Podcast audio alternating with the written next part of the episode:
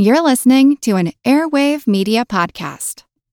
Mom deserves the best, and there's no better place to shop for Mother's Day than Whole Foods Market. They're your destination for unbeatable savings, from premium gifts to show-stopping flowers and irresistible desserts. Start by saving 33% with Prime on all body care and candles. Then get a 15-stem bunch of tulips for just $9.99 each with Prime. Round out Mom's menu with festive rosé, irresistible berry chantilly cake, and more special treats. Come celebrate Mother's Day at Whole Foods Market. Many of us have those stubborn pounds that seem impossible to lose, no matter how good we eat or how hard we work out. My solution is PlushCare.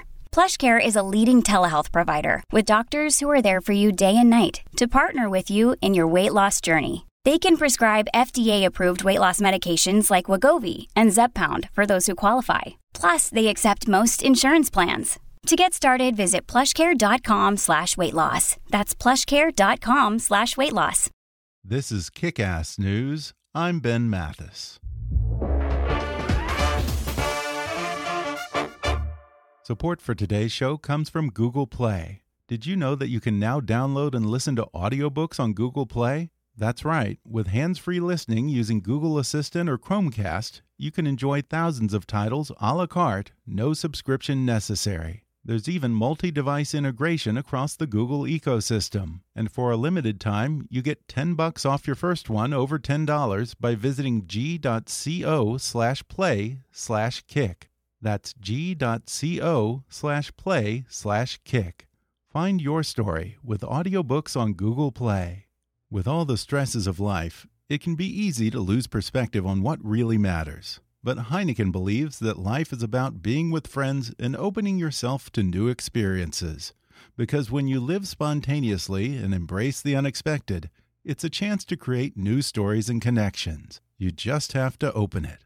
So enjoy a refreshingly cold, full bodied Heineken lager today. With its deep golden color, light fruity aroma, mild bitter taste, and a crisp, clean finish. Cheers! And now, enjoy the podcast. Hi, I'm Ben Mathis. Welcome to Kick Ass News. NFL season kicks off this Sunday, and just in time, Mark Leibovich, the chief national correspondent for the New York Times Magazine and number one New York Times best-selling author of This Town, mercilessly probes America's biggest cultural force, pro football, at a moment of peak success and high anxiety in his new book that's causing quite a stir titled Big Game The NFL in Dangerous Times. Today, this native Bostonian comes on the podcast to apologize for the famously annoying Patriots fans, discuss the Patriots superfan in the White House, Trump's weird obsession with Tom Brady, and how the president's support for the team has divided football fans. He offers an unprecedented glimpse into the one club that Donald Trump desperately wanted to join but never could the exclusive group of 32 billionaires who own NFL teams, or as they like to call themselves, the membership. He says Patriots owner Robert Kraft whines about not getting enough credit for his team's success, talks about the comments in his book that have Kraft in hot water with fans in Boston, and of course, we talk about the rivalry between Kraft and Cowboys owner Jerry Jones. Mark recalls going head to head with Jones in a drinking contest aboard the Cowboys bus and losing. He discusses football fans' hatred of Roger Goodell and his astronomical salary, and why the membership still protects the much maligned NFL commish. He reveals just how worried the owners were about the national anthem controversy, how it shined a light on the startling racial disparities in pro football, Plus, we talk about Deflategate, Super Bowl excess, concussions, and other problems plaguing the sport, and ask the question Has America reached peak football? All that and more coming up with Mark Leibovich in just a moment.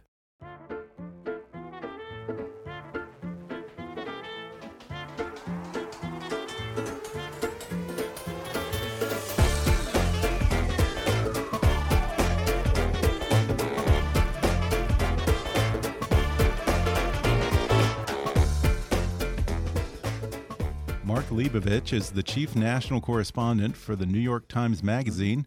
He is the recipient of the National Magazine Award for Profile Writing and the author of three books, including the number one New York Times bestseller, This Town, which mercilessly probed the political culture of 21st century Washington, D.C., Now he takes on football in his latest book, Big Game The NFL in Dangerous Times. Mark Leibovich, welcome to the podcast. Good to be with you, Ben. Well, at first blush, this seems like a bit of a departure for you. You usually cover politics, although there certainly is a good deal of politics that somehow weasels its way into this book.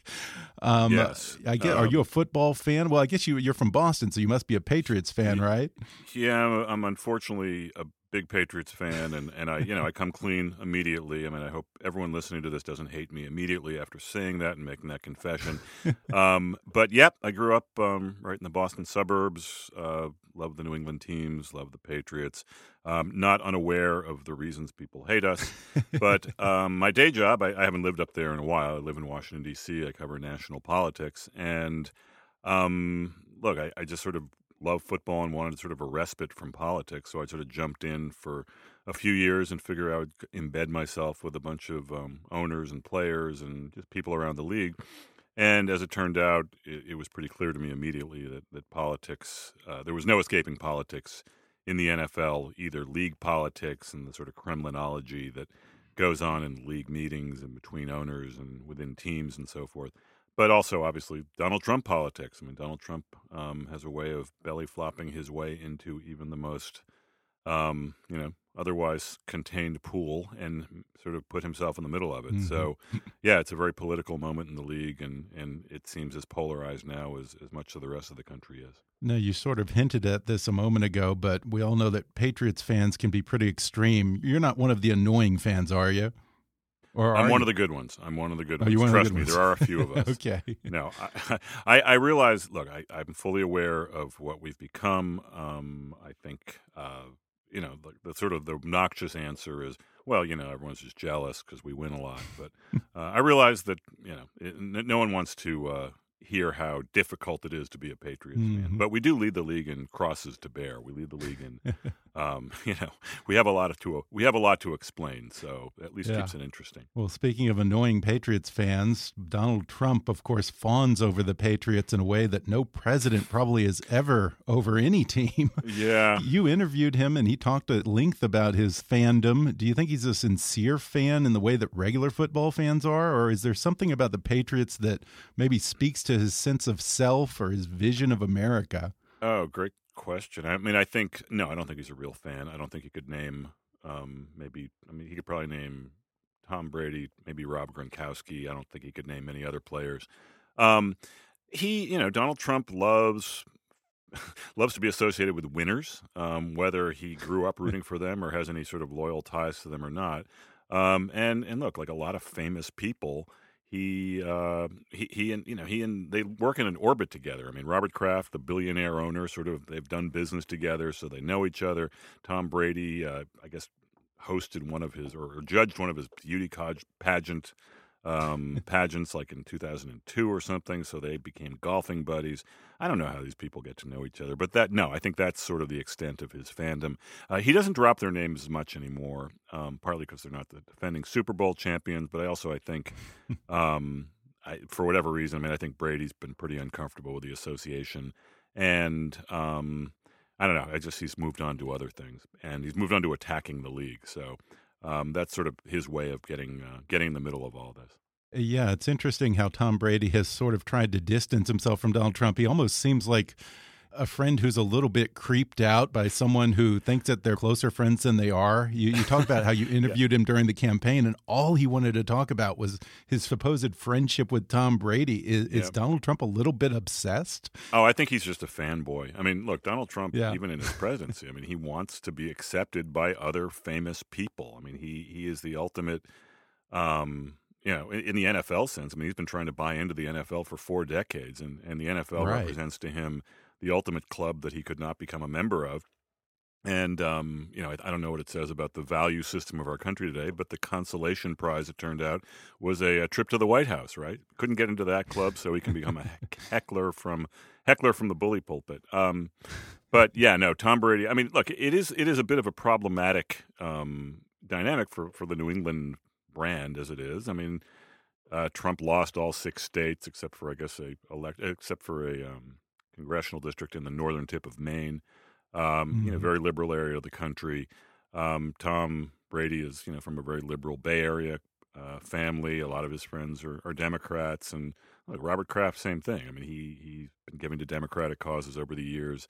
He has a lot of high level friends who don't approve of him palling around with Donald Trump. So you, you do have, a, I mean, everyone becomes a politician. You have to be diplomatic, and you say different things in public than you might in private. Yeah, and thanks to Trump's super fandom, the Patriots have sort of become a polarizing force among football fans.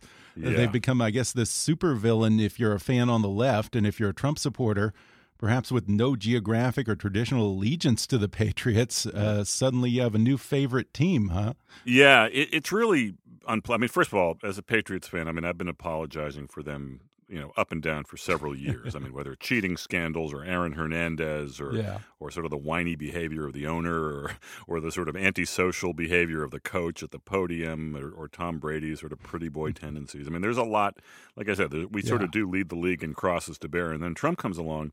And there's a there's a big you know section of the book in which I look at Super Bowl 51, in which the, the Patriots are playing Atlanta. This was at the beginning of Trump's presidency, and you realize immediately. I mean, you show up at day one of the Super Bowl on that Monday night when everyone sort of they do this big media, um, you know, cluster bomb, and, and everyone shows up, and it's just all politics. And the Patriots were the "Make America Great Again" team, and you know, America was so tired of winning, we became sick of the Patriots. I mean, that's sort of what Trump wanted you to think. And meanwhile, um, you know, Atlanta, you know, eh, they have an extraordinary, extraordinarily high African American uh, season ticket base. I mean, about forty percent, which is, I think, if isn't the league high, it's got to be up there.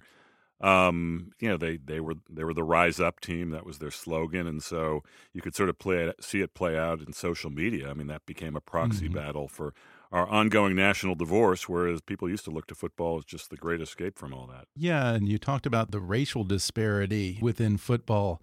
It, it seems like the whole controversy around the national anthem sort of highlighted a lot of racial and political tensions within football that have existed beneath the surface of the NFL itself for a long time, I guess. Uh, I was particularly floored by just the raw numbers when it comes to race and political affiliation of the fans, the owners, and the players. Uh, you say, I think, what, 83% of fans are white, while 70% of players Players are are black, and of course, Yep. all the owners are white. Yep, every well, Shad Khan, who is the um, I guess the, the owner of the Jacksonville Jaguars, is is from Pakistan. Right. He's, he's Muslim, but you know he's been Okay. in America for many many years. But no, I mean it's not. I mean this is this is not a diverse club by any stretch. And you talk at length about Colin Kaepernick and the whole national anthem controversy. When that happened, I thought for sure, you know, when Trump started tweeting at football players and team owners that his base was just going to break with him on that. Surely they're football fans first and Trump supporters second, but it doesn't seem to have dented Trump one bit. How about the owners? How badly were they rattled by all the protests and boycotts? Well, they were rattled because they don't. I mean, first of all, the, the NFL owners is a group of 32 people that, I mean, are arguably, you know, 32 of the most powerful entertainment executives in America, right? I mean, they the NFL's Yeah. got to be a you know top two or three, you know, largest entertainment company in America. Um, these are not the people you would pick to be on a corporate board of a elite entertainment company like Disney or Apple or Really? or, or you know Fox or something. No, you would not. I mean, these this is a, a pretty kind of motley crew of of people who are inherited, you know, who inherited teams, who kind of lucked into teams, who who can't go out in public because they're so either scorned or just too antisocial. Um, I mean, this is a really colorful and not in a really good way group. Uh, they are, are flipped out. I mean, there, there's a chapter in the book in which um, we obtained my my colleague Ken Belson and I at the Times we obtained a, a taping of a private meeting between a bunch of owners and players at the height of the anthem meeting, and, and one of our sources uh, was nice enough to run a tape and share it with us. And you just get a sense of just the owners um, not knowing what to do with Trump. Just how do we prevent prevent Donald from piping up again because uh, he hurts us so much, and you know how do we control this toddler who is so capricious and so temperamental you just can't predict him. And you get a sense of even though Donald Trump might not be allowed in their exclusive club, he certainly now uh, resides in their heads, and I think that probably gives Donald Trump a level of satisfaction, um, you know, in, in I guess his view of the world. Uh, yeah, and it's interesting because uh, I would say that many of them are sort of cut from the same cloth as Donald Trump. Totally. And you get unprecedented access into this very exclusive club of 32 billionaires who control the NFL. Yeah. Uh, talk to us about that club, uh, or as they like to call themselves, I think the members membership. or the membership. Yes, very mob, right? Yeah, no, they. um Yeah, yeah. I, I don't know why. I mean, they a lot of them just let me in. I mean, they let me in repeatedly. I mean, I talked to Roger Goodell, you know, three times. I talked to you know Kraft three or four times. I talked to um, you know Jerry Jones. I mean, I, I access to my surprise wasn't a problem, and I was surprised because you know I'm not an NFL insider. I'm not a sports writer. I don't know these people. I don't have history with these people. Um, yeah. So I was pleasantly surprised. I, I just um, I, I, guess one of the reasons, and, and now now the book is out, there's been a lot of fallout, and, and I was saying to you off air, I mean, there, there's been a little, uh, there's just been a little sort of kerfuffle in every NFL city about something that owner X or Coach Y said in chapter six or seven, uh, whatever it is. It, it's you do get a sense that these people are used to a certain amount of deference, and one of the things you learn when you go to work hmm. for the league or go to work for a club, or they call themselves clubs, they're not teams um, is you know the owner must be addressed as Mister So and So.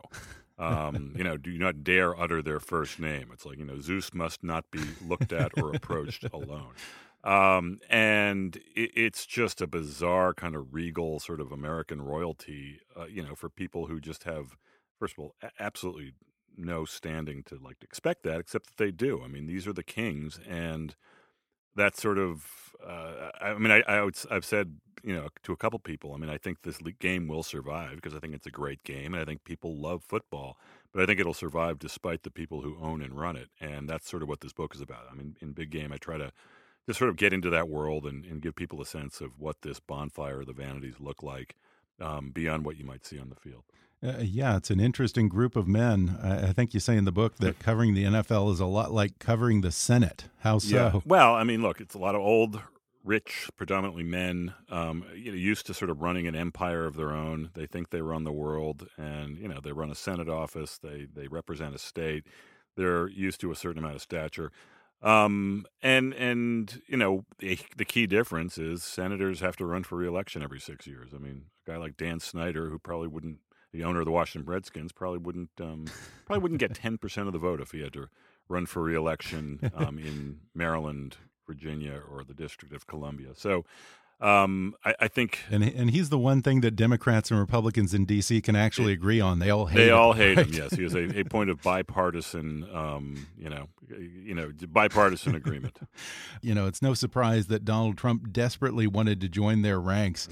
Prior to his getting elected president, how did the members view him, these real billionaires? How did they view Trump? Did they see him as a bit of a wannabe or a pretender? Oh, absolutely. I mean, that goes back to Pete Rozelle when he was the commissioner of the NFL back in the 70s. I mean, they, they a lot of them, uh, you know, just saw him as a clown, didn't see him as a serious person, and, and they didn't even, I mean, he, he was, I guess, a finalist to, to own the Buffalo Bills in 2014 um, but not only was he outbid, but I mean, apparently he was, I wouldn't say laughed out of the room, but I think his name drew um, quite a few eye rolls, snickers, or worse, you know, among you know, the members when, when that came up.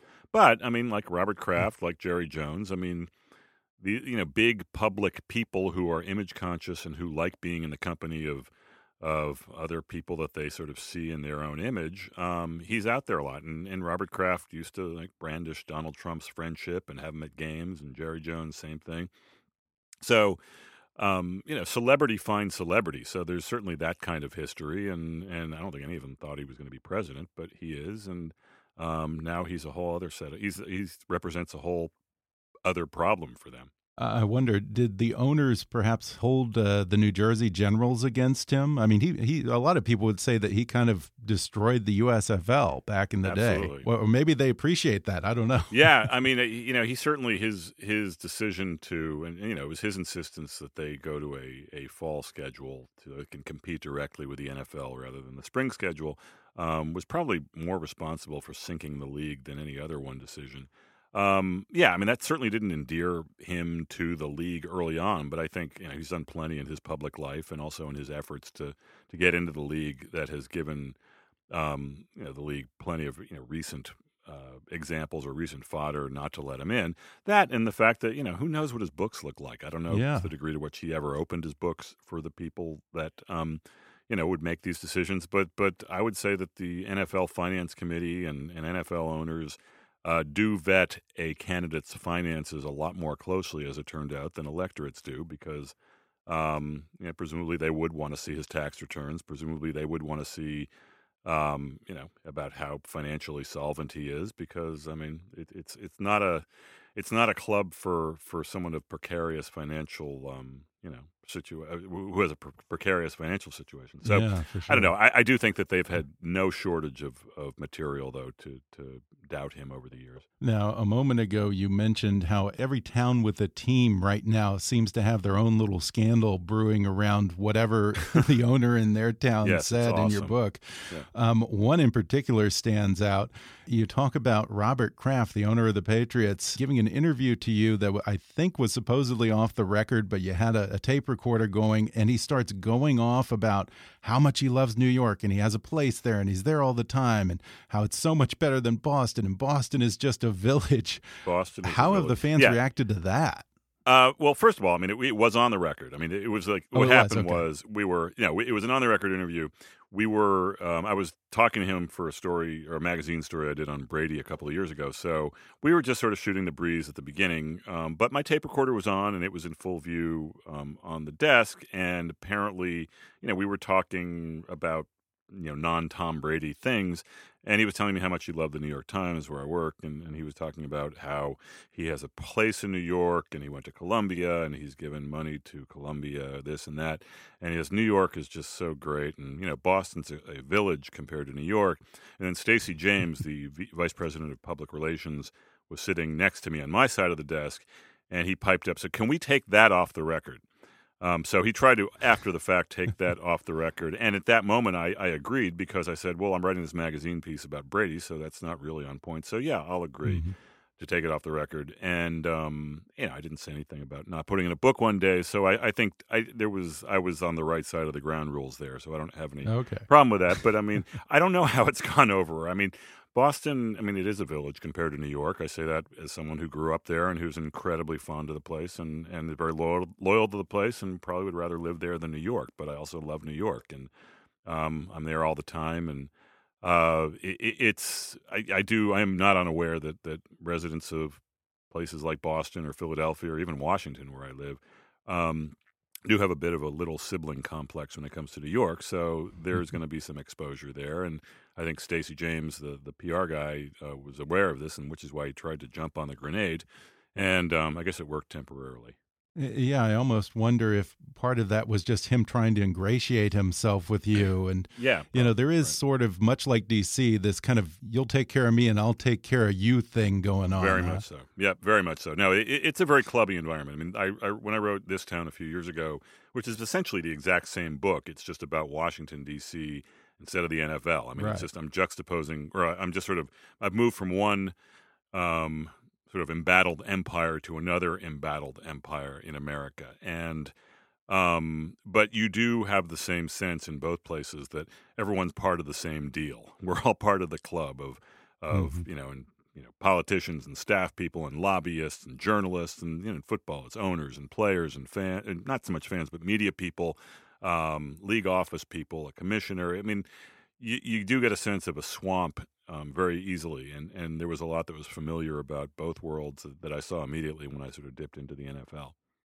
We're going to take a quick break, and then I'll be back with more with Mark Leibovich when we come back in just a minute.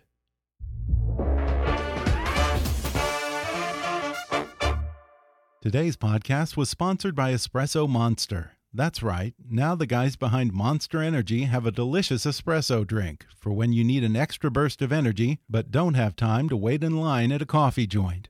Espresso Monster is a premium blend of smooth espresso and cream packaged in an 8.4 ounce can. It's just the right size and perfect for when you're on the go. Each can has three shots of espresso blended with European milk, just the way the Italians do. At 150 to 160 milligrams of caffeine per can, it's sure to give you the energy you need to conquer the day. Espresso Monster has two delicious flavors to choose from espresso and cream and vanilla espresso. That one's my favorite. Man, it is tasty. Produced in Denmark and the Netherlands, Espresso Monster is made with freshly brewed espresso coffee, hormone free milk, and a unique energy blend that's complete with taurine and B vitamins. In fact, I had one just before taping this podcast. You know how sluggish you feel around 1 or 2 o'clock after lunch? Me too. And when I'm tired, I can't get anything done. But I had a yummy vanilla espresso monster after lunch, and it gave me just the jolt I needed to power through the rest of my day. Try it for yourself. Close your eyes, take a sip, and enjoy Espresso Monster today. If you're enjoying today's interview with Mark Leibovich, then you obviously love football, and of course, you love a good podcast, so I've got a great recommendation for you. If you want to hear your favorite players and analysts break things down on and off the field, don't miss the Dave Dameshek football program. A veteran in the sports media game, Dave Dameshek has impeccable knowledge of the NFL and a signature light-hearted rapport with his guests, many of whom happen to be the biggest names in the league. Dameshek and his guests operate on a strict no jive policy, only honest, unfiltered opinions allowed.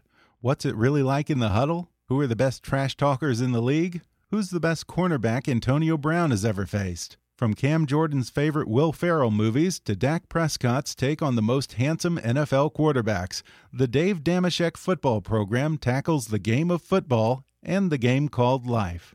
As the NFL preseason unfolds, tune in to the Dave Dameshek football program for some bold predictions, quarterback rankings, and hot takes on the latest news stories ahead of kickoff 2018. Subscribe to the Dave Dameshek football program available twice a week. Listen now on your favorite podcast app or NFL.com. And now, back to the podcast.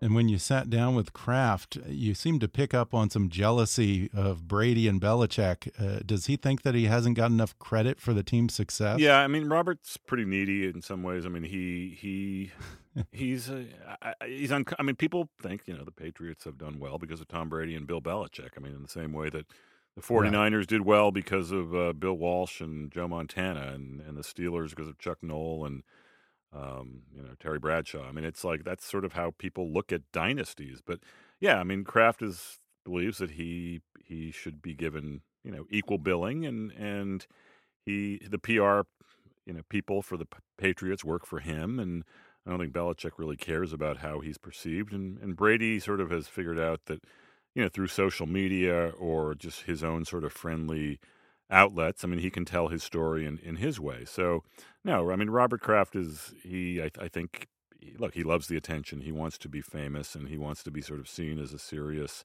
uh, football guru. And obviously, he deserves a great deal of credit. And he hired Bill Belichick. And he, you know, I'm, as a Bostonian, grateful to him for, for saving the team from moving in 1994 when the people were threatening to take them to St. Louis.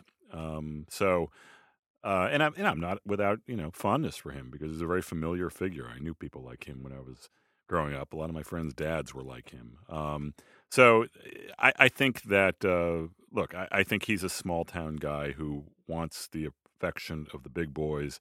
He's always talking about how much he loves New York and he spends a lot of time there and a lot of time in L.A. And um, you know, I think sometimes he just gets bored in in what he would call the village and that's fine, but I don't know. It's unclear. I mean, I don't I don't know what's in his mm. mind, but it's it's clear that he's the most needy of the three. well, to the extent that he's a little bit needy and insecure about his status within the league, mm. you know, he's half of probably, I guess, the biggest rivalry in the NFL, uh, him and Jerry Jones. Uh, do you think that's a rivalry of equals, or is that more of a rivalry that exists in Kraft's head? I, I think it's a rivalry that most people don't care about. to be honest with you, I mean, I do think right. that. No, I think they look. They keep an eye on it. They're they're, they're watching each other. I mean, they, it's both. It's important to both of them to be seen as first among equals in the membership, and mm -hmm. um, you know, th this little mess that's brewing in Dallas, thanks to the book, is um, at one point. I mean, so Robert Kraft had, um, you know, he's got five Super Bowl rings, and Jerry's got three Super Bowl rings, um, but he just got his gold jacket to uh, go into the Hall of Fame, and that's something that Robert has coveted for many years. And um, I asked Jerry when I was with him, um, so would you trade your gold jacket for another Super Bowl ring? And look, if you're an NFL owner and you're in a football hungry market like Dallas, and you got a PR guy sitting next to him, which he did, there is one political. There's one politic answer to that question, which is I'll take the ring. There's nothing more important than getting the Dallas Cowboys back to the Super Bowl and winning the Super Bowl, and that is what drives us. That is what I think about every day, and um, all of that. And Jerry, I don't know why, um, and in fairness, we'd been drinking, um, especially him, said, said um, you know, he, he hemmed and hawed, and finally he said, no, I'm not trading my gold jacket for another ring. And you know, I guess he was refreshingly honest, but um, his PR guy immediately tried to like appeal to me to like give him a mulligan on that. We happened to be on a bus outside a golf tournament, and he said, "Well, we're we're on a golf course, so let's get a mulligan." Um, I agreed. I did not agree to do that, and um, you know, I guess he's now dealing with the fallout around Dallas. I haven't, I haven't, haven't checked the uh, you know Dallas Morning News website or any or Cowboys.com or anything, but uh, I'm sure he's got you know some way to explain it. Yeah, and in fairness, uh, you guys were doing shots of whiskey on the Cowboys bus. Uh, yes. Could you keep up with them? No, I, I, I, I, completely embarrassed myself and my family. Um, I he that guy's like he's got his liver belongs in Canton, Ohio. I'll say that. He um, the Cowboys bus is not for the faint of heart or liver. Um, he, yeah, I mean he the guy loves his Johnnie Walker Blue, and um, he's a heavyweight drinker. Um, and I'm I mean maybe a middleweight weight at best. You know, somewhere light to middleweight. Um, mm -hmm. Uh, maybe I was a middleweight in college, but the uh, yeah, when he said you want a shot of scotch, I, I figured a shot of scotch, but I guess a shot in Jerry's world is a you know 24 ounce Dallas Cowboys souvenir um, plastic cup that you get at the stadium filled with ice and Johnnie Walker Blue, and um, yeah, I uh, four hours later, you know, and and luckily my tape recorder was working perfectly and was not drinking. Um, I uh, was left to sort of sleep off my interview on the bench of the Dallas Cowboys bus while Jerry went back into the clubhouse and immediately ordered up some beers and and started lighting up some uh, cigars, as he said. so yeah, no, I can't keep up with the Joneses. Uh, I want to briefly touch on NFL Commissioner Robert Goodell. Uh, no one likes that guy, so how the hell is he still around? Um, he's very good at one aspect of his job. Mhm. I mean, Roger is someone who, uh, you know, his job is to keep 32 very, very insecure, very, very rich guys happy. I mean, he, he runs a trade association. This league is a private corporation owned by 32 people, and Roger works for them, except when he is punishing them and, you know, do, you know, suspending their players and, and, and hurting their reputations. I mean, it's a bizarre dynamic. But look, I mean, Rod, Roger Goodell has a sheet on his desk in which all 32 NFL owners are listed, and he has a date on when he last talked to them, and he knows exactly when he needs to sort of call up um, Martha Ford, the 92 year old uh, matriarch of the Detroit Lions, and make nice to her because maybe he hasn't talked to her in a few weeks. Uh, he knows when what Jimmy Haslam, the owner of the Cleveland Browns, uh, is concerned about as far as some new tax that the Browns are lobbying for in the Ohio legislature. I mean, he just, he's very attentive to these needs. And look, I mean, these 32 people decide whether he continues or not, and they just signed him to a five year contract that could be worth about $200 million. So um, he doesn't have to worry about anything, just like these guys don't have anything to worry about. So, um, yeah, I mean that's why he sticks around. I mean beyond that, I don't. He's certainly not good for the brand, and I don't know why the league allows it to continue for him to be booed through, um, you know, seven rounds of the draft. I mean, year after year, night after night. Um, and yeah, look, he's he's got a real gift for self-inflicting, um, you know, things and and making things a lot worse than they need to be, and yet somehow he survives because he does the two most important things, which are keep the owners happy and also make them a ton of money. Well, he got his dream job. It, it was kind of strange because in your yeah. interview, he talks about as a kid, he dreamt of being Pete Rozelle, not a player, not a coach, right. but being the head of the league. Yes. That was his big dream. Very weird, right? yes, you would think that, you know, he grew up, you know, around you know, Washington, actually. I mean, you think that, and he liked the Colts. So, you know, you'd think that he'd want to be Johnny Unitas, right? Yeah. Or, um, you know, someone like that, you know, uh, Raymond Berry, someone like that. But no, no, he wanted to be the commissioner. I mean, I don't, I don't think I've ever known a kid, it certainly wasn't me, who grew up wanting to be the commissioner. Uh, so it's bizarre. So I guess he got what he wanted. Yeah, fans love to complain about this astronomical salary that he gets. And you also talk about just how the game has changed in general and the bloated spectacle that is the modern Super Bowl as another example of the kind of excess that overshadows what really matters. Uh, do you think that it's becoming too much about all the bullshit and not enough about the game these days? I, I think so. I mean, look, I mean, I if I weren't writing a book on it, I certainly certainly would have tuned it out, and I certainly wouldn't have. Um, well, I probably wouldn't have gone to Minneapolis in the middle of the winter this year to go to the Super Bowl either. Um, but no, I mean, it's spectacle, it's carnival, it's something. It's just people that you. It's just so much that has nothing to do with football and sponsorships and.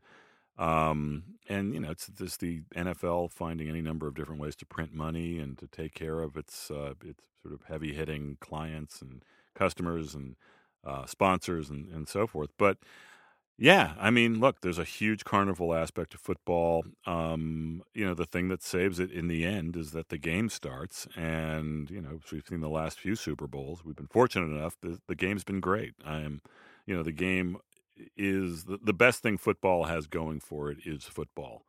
Um, I think the worst piece, the worst thing people have, the worst thing football has going forward is a lot of the bullshit, as you said, around it. And yeah, um, yeah I mean, I look, I, I don't uh, pretend to like it, and I, I don't know. I think at some point, you know, maybe it reaches a shelf life, and people will get sick of it. Also, well, speaking of the bullshit, uh, the way the media hyped Deflategate you would think that it was a sports scandal on par with the 1919 Black Sox. Uh, do you think, in retrospect, that was pretty overblown? Yeah, I thought it at the time too. I mean, I think, and by the way, you mentioned yeah. the Black Sox. I mean, it, this was like literally a a an, an analogy that the lawyers, you know, in writing some brief, you know, about why Tom Brady was the most uh, crooked athlete in, in history. I mean, that, that literally was an analogy that they used. Um, it was bizarre. I mean, I think, you know, you cannot convince me um, that this was not like driving 56 in a 55 mile an hour zone. Um, you know, it's a, a, minor equipment violation at best, I think. Um,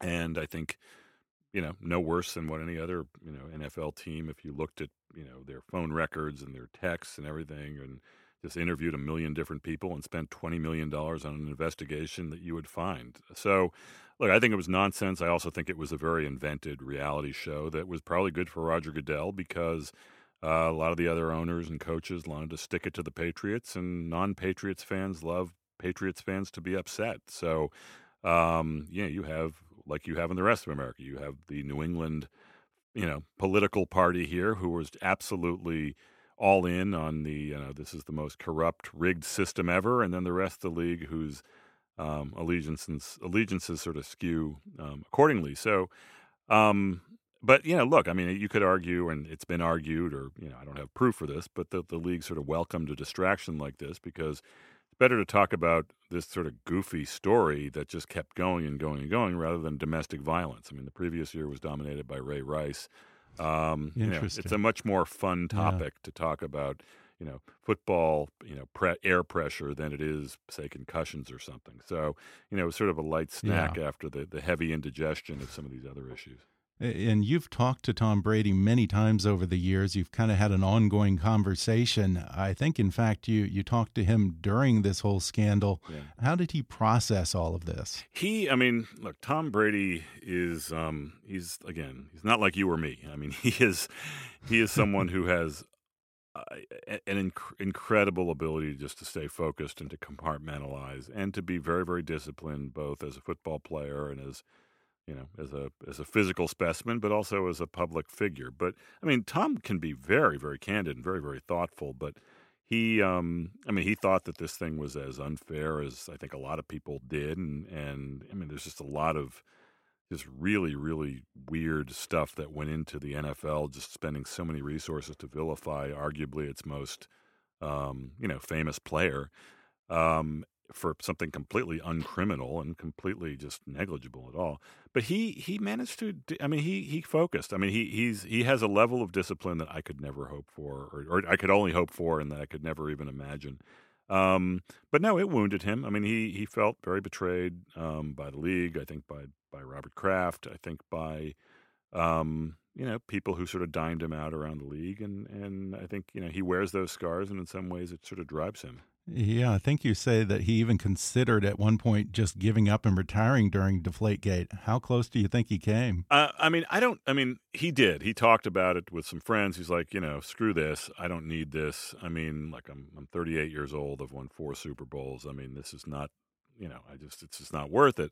Um, it's unclear to me whether he ever like sat down and sort of you know sat with this decision or whether this was just sort of a moment of frustration in which he um, had a particularly bad day or a bad ruling or read a bad article and just like mm-hmm. sort of mm-hmm. threw his hands up and said a few things and that you know that got around and got to me. Um, but no, I mean he he talks like that. I mean it's just I think like anyone he'll sometimes think out loud and and um, you know, but it's clear. I mean, from what he's done the last few years, that he doesn't have any. I mean, he'd love to keep playing if he can. So, I think that that bullet was dodged.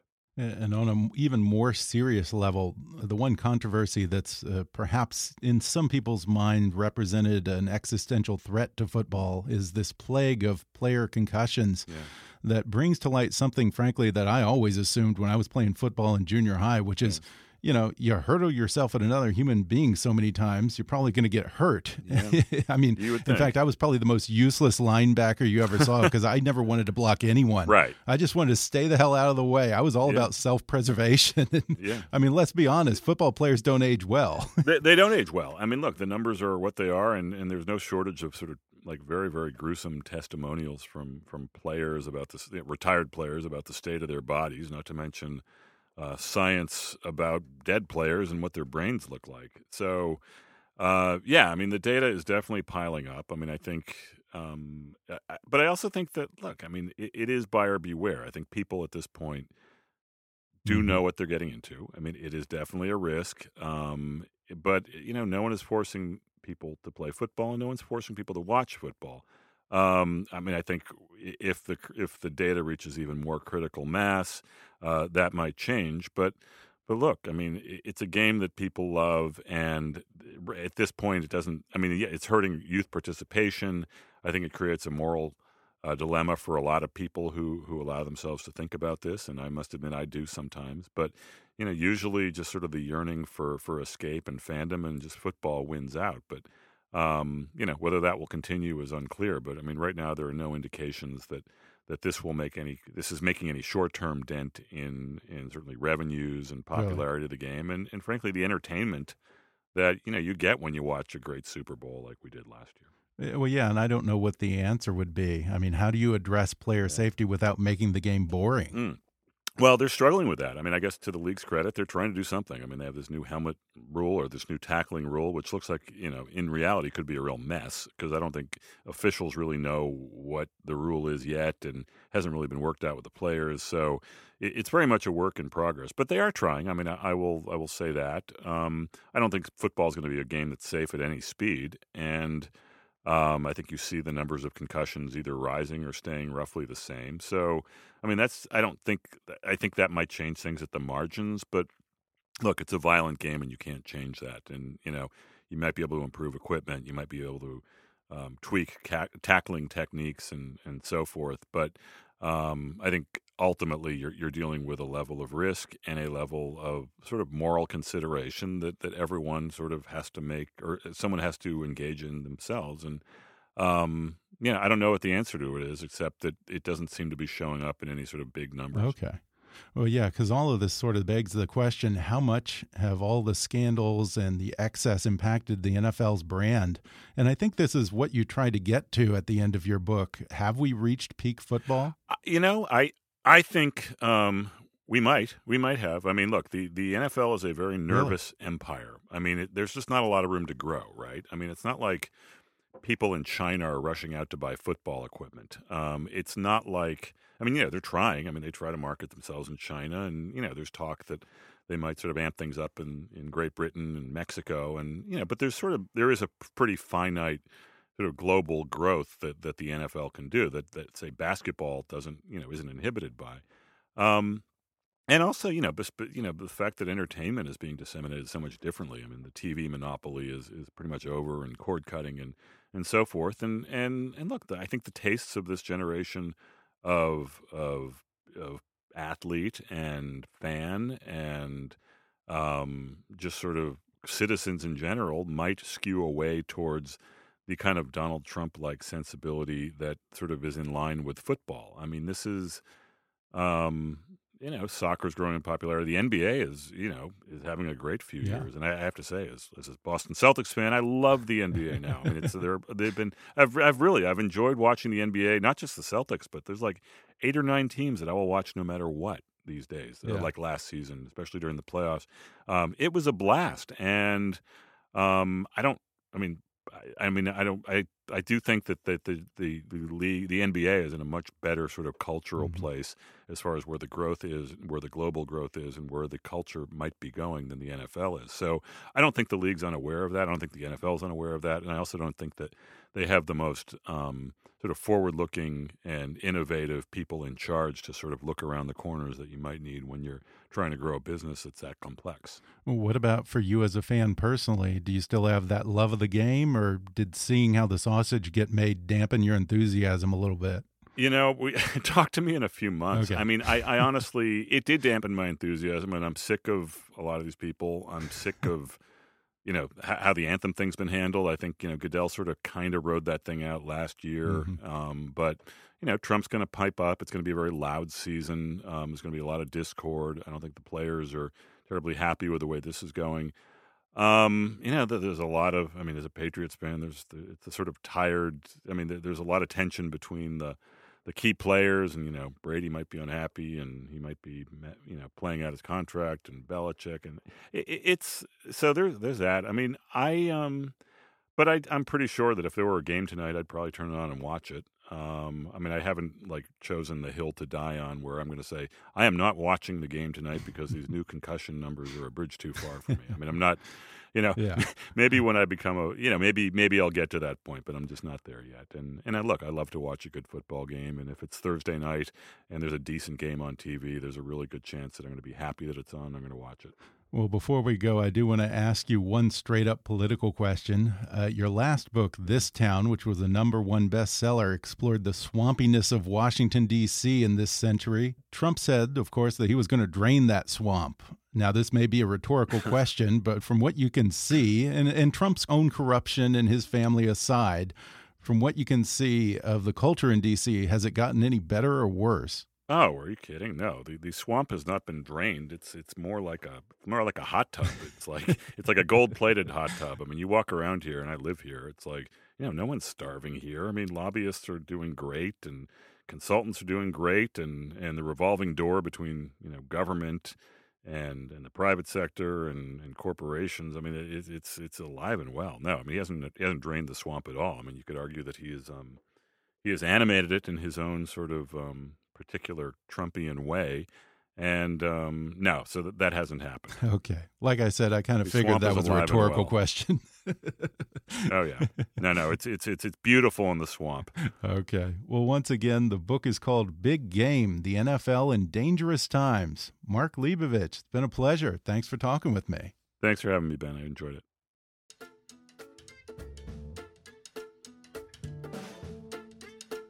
Thanks again to Mark Leibovich for coming on the podcast. One more time, get his book, Big Game The NFL in Dangerous Times, on Amazon, Audible, or wherever books are sold. And keep up with him at markleibovich.com or on Twitter at, at markleibovich. Today's podcast was brought to you by Espresso Monster. When you need energy on the go and don't have time to wait in line, grab Espresso Monster. Espresso Monster is a premium blend of espresso and cream made with freshly brewed espresso coffee, hormone free milk, and a unique energy blend complete with taurine and B vitamins. Each can has three shots of espresso and comes in vanilla espresso or espresso and cream. I wouldn't even be recording this podcast right now if I hadn't had a vanilla espresso monster after lunch today. It's delicious and it was just the jolt I needed. Try for yourself, folks. Close your eyes, take a sip, and enjoy Espresso Monster today. Support for today's show comes from Google Play. Did you know that you can now download and listen to audiobooks on Google Play? That's right. With hands free listening using Google Assistant or Chromecast, you can enjoy thousands of titles a la carte, no subscription necessary. There's even multi device integration across the Google ecosystem. And for a limited time, you get 10 bucks off your first one over $10 by visiting g.co slash play slash kick. That's g.co slash play slash kick. Find your story with audiobooks on Google Play. If you haven't already, be sure to subscribe to Kickass News on iTunes and leave us a review. You can follow us on Facebook or on Twitter at, at KickassNewsPod. And as always, I welcome your comments, questions, and ideas at comments at kickassnews.com. I'm Ben Mathis, and thanks for listening to Kickass News.